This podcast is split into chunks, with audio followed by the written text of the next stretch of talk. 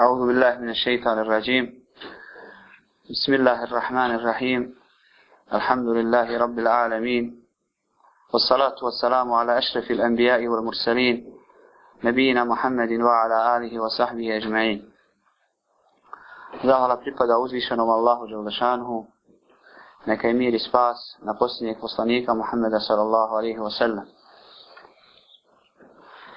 نسام samom zahvalio bi domaćinu ili udruženju Rižnice znanja na mom pozivu za ovo predavanje i molim Allaha da im pomogne u radu za njegovu uzvišenu vjeru, da ih učvrsti na pravome putu i da ih učini od onih koji će ljudima osvjetljavati put, oni koji će ljudima davati ispravne smjernice u ovome tmurnom i teškom vremenu.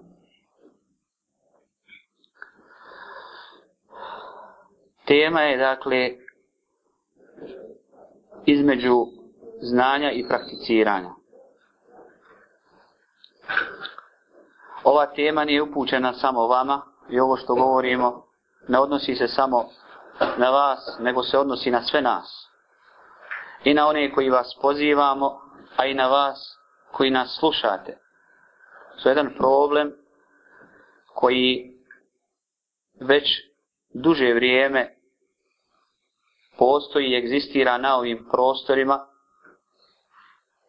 Problem postojanja jaza između znanja i prakticiranja. Ako malo analiziramo stanje bošnjaka sada, kada imaju priliku, kao nikada, mogu slobodno kazati, kao nikada, da uče svoju vjeru i da o njoj saznaju putem različitih medija, bilo da su pisanog karaktera, bilo da je to kaseta, bilo da je to video zapis, bilo da je to knjiga ili neko drugo sredstvo. Dakle, to je jedna blagodat koja, ako malo kažem, analiziramo stanje prije i sada, uvidjet ćemo da je, da, da je velika razlika između te blagodati sada i nekada. Ali ujedno u isto vrijeme pojavljuje se i ovaj problem. Iako imamo tu blagodat, iako imamo tu mogućnost, iako nikada nismo mogli ili nismo imali priliku da saznamo o svojoj vjeri kao danas, događa se da ono što znamo, što slušamo, što imamo priliku čuti i naučiti, malo prakticiramo. Zašto je to tako? Ovo pitanje postavljam i pokušat ću u ovom kratkom periodu dati koristan odgovor. To će biti jedan pokušaj, a ne mora biti konačan i ne mora biti konačno rješenje, jer pitanje ostaje da se o njemu razmatra, da se o njemu govori, da se analizira, i da se daju možda i druga rješenja.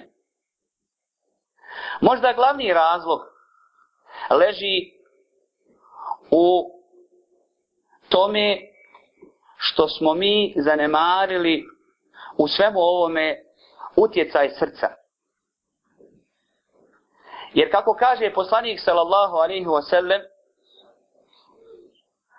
u čovjekovom tijelu ima jedan organ ako je on ispravan, ispravni su i ostali organi ili ostali dijelovi tijela. A ako je on pokvaren i ako on neispravno radi, onda neispravno radi i ostali dijelovi tijela. Zato islamski učenjaci porede srce u odnosu na ostale dijelove tijela sa vladarem, koji ono što naredi, njegovi podanici izvršavaju. Ako je naredba ispravna, ako vladar ispravno radi, ispravno postupa i daje ispravne naredbe, onda će i tijelo u ovom slučaju činiti ispravne postupke. A ako je srce kao vladar zakazalo, ako ono ne razmišlja bistro, ako ono nije čisto, onda se ne može očekivati da postupci koje činimo ili da znanje kojeg imamo prenesemo i pretočimo u praksu. Allah Đelešanuhu u svojoj časnoj knjizi skrećući pažnju na ovu činjenicu kaže Jevme la u malun wala benun illa men Allahe bi kalbin salim. Dan u kojem neće, to je sudnji dan, u kojem neće koristiti ni imetak, ni djeca. Korist će imati samo onaj koji Allahu čista srca dođe. Ako pogledamo naše stanje, vidjet ćemo da smo mi obrnuli, da smo napravili jedan, da smo napravili jednu promjenu ili zamjenu ovih činjenica. Onome od čega po Allahu po Allahom Đelešanu govoru nećemo imati koristi, mi smo tome i pridali maksimalnu pažnju. Što ne, znači da mi tome ne trebamo pridati nikakvu pažnju. Jer je obaveza briga o djeci, o njihovoj egzistenciji, o osnovnim potrebama u, u životu na ovome svijetu. Ali mi smo tome pridali maksimalnu pažnju, a s druge strane ono od čega ćemo imati najveću korist na onome svijetu, to smo zapostavili. A Allah kaže da će korist na onome svijetu imati onaj ko maksimalnu pažnju prida srcu i očisti ga. Zatim, u Kur'anu stoji još jedna činjenica, a to je da je srce mjesto u kome se nalazi pamet, kojim čovjek sva, kojom čovjek svaća i pojima ispravno stvari. Kaže Allah Želešanuhu, Efelem jesiru fil ardi فَتَكُونَ lahum kulubun يَعْقِلُونَ biha. Pa onda na kraju ajeta فإنها لا تعمى الأبصار ولكن Zašto oni ne putuju u svijetom? Da bi vidjeli ono što Allah Želešanu daje od svojih znakova. Pa će njihova srca pouku uzimati. I na kraju ajeta kaže, jer nisu slijepe oči, nego su slijepa srca koja su u prsima. Čovjek može imati informaciju, može zapamtiti nešto, može naučiti, ali istinsku pouku uzima srcem i srce poslije toga traži da se to pretvori u praksu. Uzet ćemo banalan primjer. Svjetska zdravstvena organizacija ili sve najveće ili najveće države, najveće svjetske institucije, obavezali su prodavače duhana da napišu na svakoj kutiji cigara štetno pozdravlje. To je dakle informacija koju oni imaju i koje su svjesni, ali je u praksi ne sprovode. Zašto? Zato što je srcima nisu prihvatili. Jer srce je to koji je prihvata moral i prenosi ga u praksu. Iako znači znaju da, je, da, da se radi o šteti, iako znaju da to uništava društvo, ipak se nije dogodilo da su u praksi zahtijevali od ljudi da to ne rade. I šta više, to je jedan vid licemjerstva. Znamo da vas uništava, znamo da ćete vašom prodajom uništiti čovječanstvo, ali obavezno morate napisati da su one štetna, štetne po zdravlju. Dakle, istinska pamet je u srcu. I koliko srce bude uzimalo pouku, i koliko srce bude čisto i bistro, rezonovalo, toliko će čovjek u svojoj praksi moći sprovesti one informacije koje dolaze u njegovu glavu. I tu je dakle taj glavni odgovor zbog čega nema i zbog čega se događa jaz između znanja i prakse. Stanica do koje ne dolaze te informacije da bi otišle u praksu je srce. I zato se srcu treba pridati posebna pažnja. I ovo se ne odnosi na nekoga tamo, to se prije svega na nas odnosi. Šta više onaj koji zna i koji ima priliku da nauči, za razliku od onih koji su u gafletu i ne vide potrebu za učenjem, je odgovorniji pred Allahom Đelešanu od onoga koji, koji to nije. Dakle, čistoća srca, bistrina srca, Njegov život je taj koji dovodi do realizacije onog znanja ili onih informacija koje ulaze i koje, koje mi, koje mi saznajemo. Da bi očistili srce, a vi ste vjerovatno slušali na ovu temu dosta toga, ali je bitno da se međusobno podsjećamo. Ukratko je najbitnije. Prije svega, dijela srca. A na prvom mjestu ihlas, iskrenost. Onoliko koliko čovjek bude vodio računa o svojoj iskrenosti i koliko je bude pratio i koliko mu ona bude na umi, toliko će njegovo srce biti budno. Kaže Allah Želešanu za Jusuf a.s. koji se našao u teškoj situaciji kojeg je šeitan pokušao zavesti na jedno od najodvratnijih dijela svi faktori ili svi uzroci su postojali da se takvo djelo dogodi. Ali Allah Želešanuhu je Jusufa odvratio od tog odvratnog djela, zahvaljujući njegovoj iskrenosti. anhu su'a wal fahša'a innahu min ibadina al muhlasin. Mi od njega odvratišmo razvrat i ružno djelo, jer je on bio od naših iskrenih robova. Dakle, iskrenost je ta koja kod čovjeka rađa bistrinu srca. Da srce u teškoj situaciji ispravno rezonuje i izda ispravnu naredbu.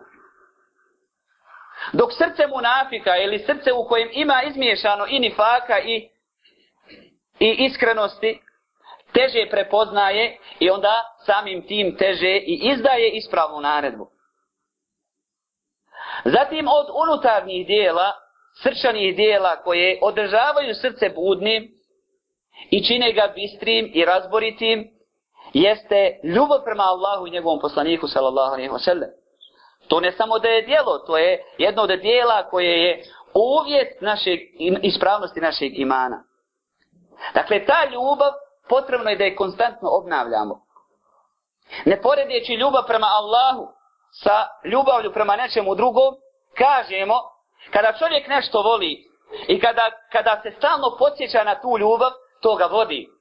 I spreman je uraditi sve. Kada, se, kada je u pitanju nešto od ovosvjetskih užitaka, kada čovjek obnavlja tu ljubav i kada mu je ta ljubav na umi, on je spreman sve uraditi. istu tu logiku ili preče da tu logiku koristimo kada je u pitanju ljubav prema Allahu i njegovom poslaniku sa oselem. I to također jača bistrinu srca i čini ga, e, dovodi ga u takvu situaciju ili poziciju da ispravno rezonuje i izdaje ispravne naredbe. Također od unutarnjih dijela e, možemo istaknuti oslonac na Allaha Đelešanu. Oslonac na Allaha Đelešanu ukratko znači prepuštanje Allahu Đelešanuhu naših potreba uz poduzimanje uzroka. Jer riječ tevekul u arapskom jeziku dolazi od riječi veke od arapskog glagola vekele što znači prepustiti nekome nešto. Zato se zastupništvo zove vekalom. Prepuštaš nekome nešto da umjesto tebe uradi. U ovom slučaju tevekul znači da ti Allahu Đelešanu prepuštaš svoje potrebe, ali sa, čvrstim ubjeđenjem da je Allah kadat i da je milostiv da će ti tu potrebu ispuniti. Jer ako ima i trunka sumnje, onda to nije istinski tevakul. Ali uz poduzimanje uzroka koje je Allah naredio. To je ispravno shvatanje tevakula. A tevekul je opet uvjet imana, kao što kaže Allah Želešanuhu, in Na Allaha se oslonite ako ste vjernici. Ako tvrdite da ste vjernici, na Allaha se oslonite. To su ukratko unutarnja djela koja djeluju na na bistrinu, čistoću srca, a samim tim i na pozitivan rezultat u, u našoj praksi. Od verbalnih dijela, dijela jezika, možemo istaknuti dva, a to je zikr spominjanja Allaha Želešanuhu i učenje Kur'ana. Kaže Allah Želešanuhu za zikr, Ela bi zikrillahi tatume innul kulub. U istinu, se spominjanjem Allaha Želešanuhu smiruju srca. Spominjanje Allaha Đalešanu ima različite forme, nema neke granice. Sve u čemu je veličanje Allaha Đelešanu, spominjanje njegovog uzvišenog imena, je zikr i čovjek ne treba da se ograniči na neko određeno vrijeme i da samo u njemu spominje Allaha Đelešanu, nego cijelo vrijeme treba da spominje Allaha Đelešanu jer to održava živim njegovo srce, a njegovo srce onda može ispravno djelovati i može od njega očekivati da će ispravno djelovati. Ljudi dosta svog vremena provedu u najmanju ruku u bespotrebnom govoru, koji umrtljuje srce, koji čovjeka odvaja od Allaha Đelešanu, koji čovjeka dovodi u stanje gafleta. A da nagovorimo da dobar dio vremena provedu i u haramu, ogovarajući druge, spominjući tuđe mahane, prenoseći tuđe riječi da bi se ljudi zavadili, izgovarajući ružne riječi i sve ostalo što sigurno negativno djeluje na ljudsko srce. Dakle, zikr spominjanja Allaha Želešanu je jedno od najznačajnijih verbalnih dijela kojim se srce drži u, u budnosti i od njega se mogu očekivati pozitivni, pozitivne naredbe i pozitivni rezultati. A drugo dijelo je učenje Kur'ana. Poslanik sallallahu alaihi wasallam je napravio razliku između onoga koji uči i ne uči Kur'an kao između mrtvog i živog čovjeka. Postavimo sebi pitanje kad smo zadnji put proučili hatmu? Kad smo zadnji put uzeli Kur'an pa pa ga sa razmišljanjem učili?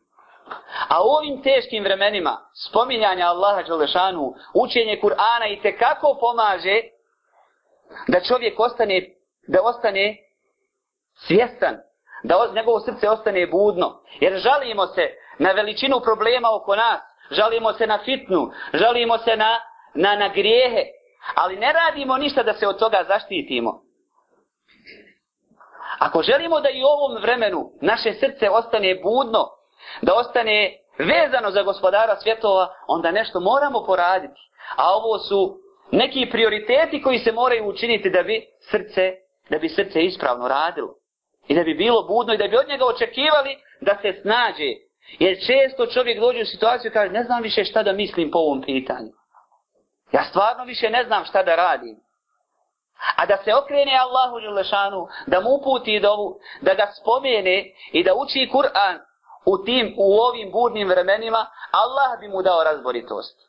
Allah bi ga uputio na ono što je za njega dobro u datom momentu. Ali mi zaboravljamo te, zaboravljamo te stvari i onda često ostajemo zbunjeni, ostajemo izgubljeni i ne znamo kako da djelujemo u određenoj situaciji.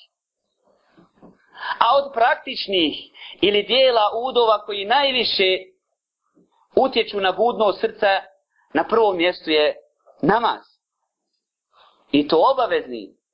I to namaz onako kako ga je Allah Đelešanu propisao. Allahova je mudrost da u Kur'anu nije kazao oni, ili, oni koji klanjaju ili klanjajte, nego oni koji namaz obavljaju. Yuqimune salat.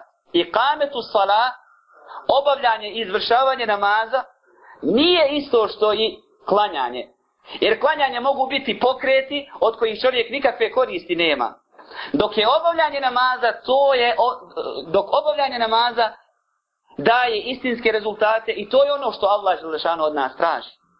A i kametu sala, to je sve ono što su islamski učenjaci nazvali šartovima namaza, ruknovima namaza i sunnetima namaza i ostavljanju svega onoga što može pokvariti namaz i što mu može umanjiti nagradu. To je kametu sala, Da se namaz obavlja u njegovom vremenu, a ne da nam bude da nam bude hajde, obavit će se, ima još vremena. Treba hitati sa obavljanjem namaza ako želimo da osjetimo istinsku njegovu slast i da osjetimo njegov utjecaj na srce, a ne da nam on bude zadnji prioritet. Zadnja stvar kojoj težimo. Ima još vremena. Namaz je glavni prioritet. Osim u izuzetnim situacijama koje su definisane u islamskom pravu kada je čovjeku dozvoljeno da odgodi namaz, da ga spoji i tako dalje. Ali u normalnoj situaciji treba čovjek žurno da ide ka obavljanju farza ako hoće da taj farz i da taj namaz ostavi traga na njegovo srce i da ga održi u životu. I sva ostala praktična djela koja su naređena ili koja je pohvalno činiti utječu na, na butnost, utječu na ispravnost i utječu na ispravno rezonovanje našeg srca, a samim tim i spoj između znanja i praksi. To je jedan veliki razlog koji, e, kojeg sam istakao i sa kojim sam počeo i kojeg naglašavam, znači to je razlog, veliki razlog zbog čega postoji razlika između znanja i prakse. Drugi veliki razlog, mada kažem, nećemo, sa ovim, e, sama tema nije završena i o njoj se može još govoriti, ali vidim da je da, da u ovom vremenu su to najveća dva uzroka. Drugi veliki uzrok jeste loše društvo. Čovjek kada se nađe u finom društvu, i kada ga podsjećaju, kada mu govore, on bi možda odmah bio spreman da to prakticira i da sprovede u praksu. Ali kada se vrati svojoj stvarnosti, kad uđe u loše društvo, a to loše društvo može biti sama njegova porodica, mogu biti njegovi najbliži, mogu biti njegove komšije, može biti njegov neki prijatelj školski, kada se vrati u tu stvarnost, brzo odustaje i brzo poklekne i povuče se. Jer prijatelj, drug, nevjerovatno djeluje na čovjeka. Skoro da ništa ne djeluje na čovjeka kao što je to prijatelj. Zato kaže jedan arapski pjesnik Anil mer ila tes'el Fesel an karinihi fa karini, bi karinihi Nemoj pitati za čovjeka ko je on, nego pitaj za njegovog prijatelja. Komu je prijatelj? Jer se čovjek povodi za svojim prijateljem. Ako hoćeš da znaš ko je čovjek, Pitaj s kim se druži. Ako znaš njegove drugove, značeš i njega. Zatim druga velika opasnost jeste što se negativne osobine od prijatelja neprimjetno prenose na, na samog čovjeka. Čovjek i ne bude svjestan koliko je negativnih osobina primio, a već pri sebi ima veliki broj tih negativnih osobina. A on to nije ni primijetio. Koliko prijatelj može negativno djelovati, dokaz nam je primjer koga? Amidže Allahu poslanika sallallahu alaihi sallam. Ebu Taliba, koji je puno radio za poslanika sallallahu alaihi sallam, koji je založio svoj ugled, koji je bio spreman na sva odricanja, i na kraju, poslanik sa oselem od njega samo traži da izgovori riječi la ilaha illallah i to će biti dovoljno da se za njega zauzme. Zbog tog njegovog velikog dobra kojeg je učinio za poslanika sallallahu alaihi wasallam. Međutim, loše društvo koje je bilo oko Ebu Taliba i kojem je on dao prednost je učinilo to što je učinilo da je on umro na vjeri svojih predaka. I maksimalno što će dobiti od poslanika Muhammeda sallallahu alejhi ve jeste da će biti u pličaku, u pličaku džehennema. Zbog tih zasluga koje je imao, ali ga to neće dakle spasiti vječnog, vječnog džehennema.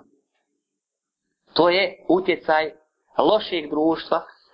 I mi u današnje vrijeme smo poprilično svjesni toga, ali se svojim rukama bacamo u propast. Bolje je da čovjek nema prijatelja i druga, nego da ima prijatelja i druga koji će ga upropastiti. Ma hajde, pusti se toga. Živi s ostalom rajom. Vidiš kako se, ne možeš ti sad biti, ne možeš, ne možeš se ti sad izdvajati iz društva. Ali čovjek zna posljedice toga tek kada bude upropašten. Kad se teško vratiti, bolje se na samom početku usmjeriti kuda treba, nego poslije pokušavati izići iz blata, iz gliba u kojeg čovjek upadne zahvaljujući takvom društvu. Ono jeste činjenica da je se u ovo vrijeme teško, teško oduprijeti, teško naći prijatelja koji će te uputiti i koji će ti pomoći da ostaneš na pravom putu, prije svega dođeš do pravog puta, zatim da ostaneš, ali se čovjek treba potruditi jer je to veliki uzrok skretanja sa pravog puta, odnosno upadanja u ovu realnost, a to je razlika između znanja i praksi. Nismo samo jednom čuli čovjeka koji, koji ne, odjedan put ga nestane. Nema ga više u džamiji. Nema ga među nama. Šta je bilo? Odvelo ga loše društvo. Nije, mogao, nije se mogao oduprijeti tom iskušenju. Ostao je među njima, a prijatelj je takav, ili ćeš ti na njega djelovati, ili će on na tebe. I obično se desi da onaj koji je pozitivan, bude naposlovan od negativaca i više oni djeluju na njega nego on na njih i na kraju se završi kako je većini nama poznato. To je, dakle, ovaj, taj drugi uzrok i s ovim bi ja završio svoje izlaganje. Sama tema, dakle, je pred nama, o njoj se može razmišljati, o njoj se može razgovarati, ona se može još analizirati i o njoj se još puno toga može kazati. Molim Allah da ovo bude jedan podstrek nama, da razmislimo o samoj temi, da a, pokušamo pronaći istinske razloge zbog čega se događa da postoji velika razlika između znanja i prakse i da nam pomogne da i mi damo svoje skromno učešće u liječenju, liječenju te bolesti i te negativnosti.